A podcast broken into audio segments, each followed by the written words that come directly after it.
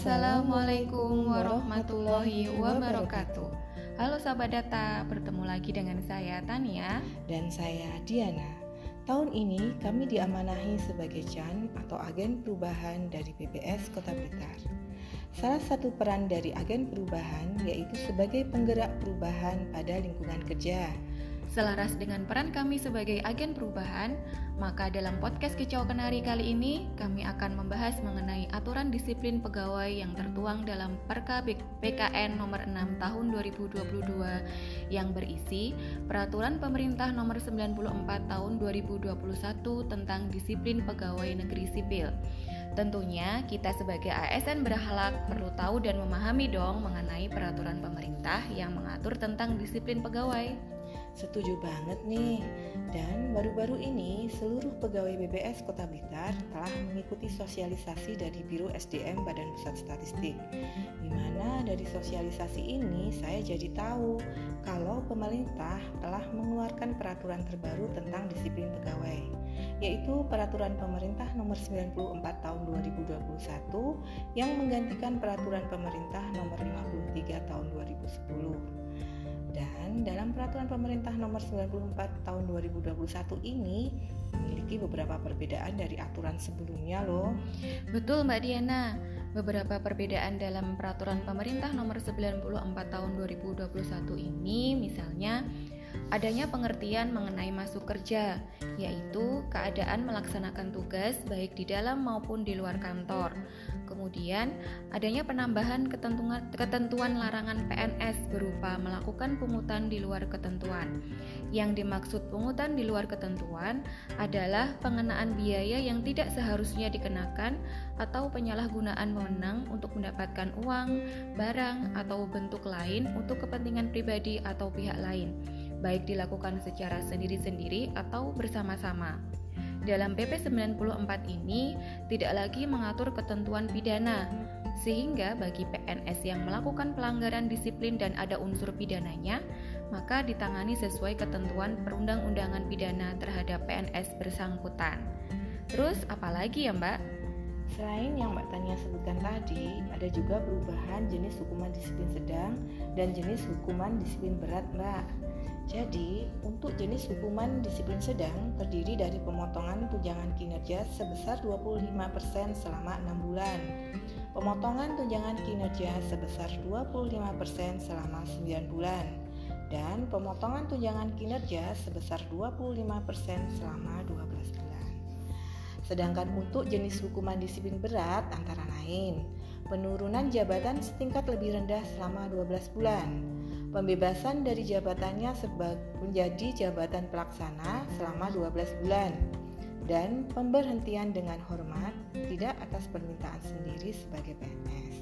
Terus Mbak Tania, ada juga perubahan mengenai pelanggaran atas kewajiban masuk kerja dan menaati ketentuan jam kerja.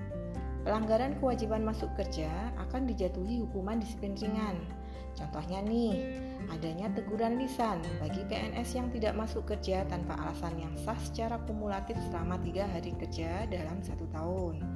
Kemudian adanya teguran tertulis bagi PNS yang tidak masuk kerja tanpa alasan yang sah secara kumulatif selama 4 sampai dengan 6 hari kerja dalam satu tahun. Selanjutnya, Adanya pernyataan tidak puas secara tertulis bagi BNS yang tidak masuk kerja tanpa alasan yang sah secara kumulatif selama 7 sampai dengan 10 hari kerja dalam satu tahun. Sedangkan untuk pelanggaran kewajiban masuk kerja dengan hukuman disiplin sedang itu contohnya yaitu pemotongan tunjangan kinerja sebesar 25% selama 6 bulan bagi PNS yang tidak masuk kerja tanpa alasan yang sah secara kumulatif selama 11 sampai dengan 13 hari kerja selama satu tahun.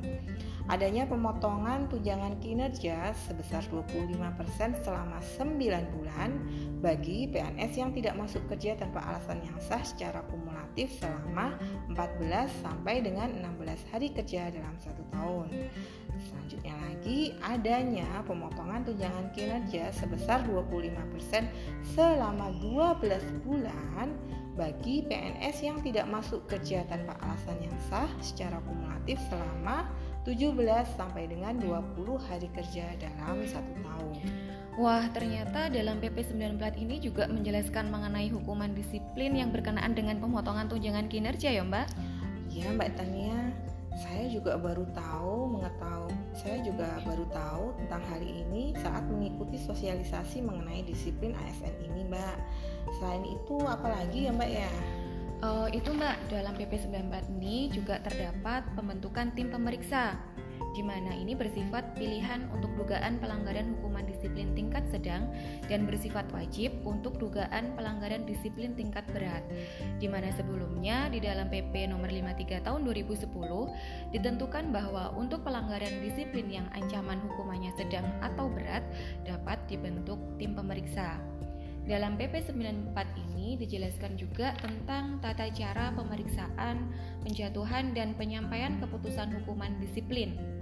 PNS yang diduga melakukan pelanggaran disiplin dipanggil secara tertulis oleh atasan langsung untuk dilakukan pemeriksaan. Selain itu, Mbak Tania, dalam peraturan pemerintah ini juga diatur perihal jika atasan langsung yang tidak melakukan pemanggilan dan pemeriksaan terhadap PNS yang diduga melakukan pelanggaran disiplin dan tidak melaporkan hasil pemeriksaan kepada pejabat berwenang menghukum, maka atasan langsung ini akan dijatuhi hukuman disiplin yang lebih berat. Selain itu juga, jika terdapat pejabat yang berwenang menghukum tidak menjatuhkan hukuman disiplin kepada PNS yang melakukan pelanggaran, maka pejabat tersebut akan dijatuhi hukuman disiplin yang lebih berat. Hal ini agak berbeda dari peraturan yang sebelumnya, di mana di dalam peraturan pemerintah nomor 53 tahun 2010 hanya dijatuhi hukuman disiplin yang sama dengan jenis hukuman disiplin kepada PNS yang melakukan pelanggaran disiplin. Wah, semakin tercerahkan ya Mbak Diana. Sosialisasi dari Biro SDM Badan Pusat Statistik mengenai disiplin ASN ini benar-benar menambah pengetahuan kita dan sangat bermanfaat sekali. Betul Mbak Tania. Jadi, untuk penjelasan lebih lengkap, sahabat data bisa mempelajari Perka BKN nomor 6 tahun 2022 yang berisi peraturan pemerintah nomor 94 tahun 2021 tentang disiplin pegawai negeri sipil. Semoga obrolan kita tadi bisa lebih mencerahkan sahabat data juga yang berprofesi sebagai ASN ya Mbak Diana. Setuju sekali Mbak Tania. Tidak hanya memahami tapi juga bisa mengaplikasikan untuk meningkatkan kinerja dan profesionalitas kita sebagai ASN berakhlak. Demikian podcast Kicau Kenari kali ini. Terima kasih atas atensi dari sahabat data yang tetap setia stay tune di Kicau Kenari. Salam sehat selalu. Sampai jumpa di episode selanjutnya. Wassalamualaikum warahmatullahi wabarakatuh.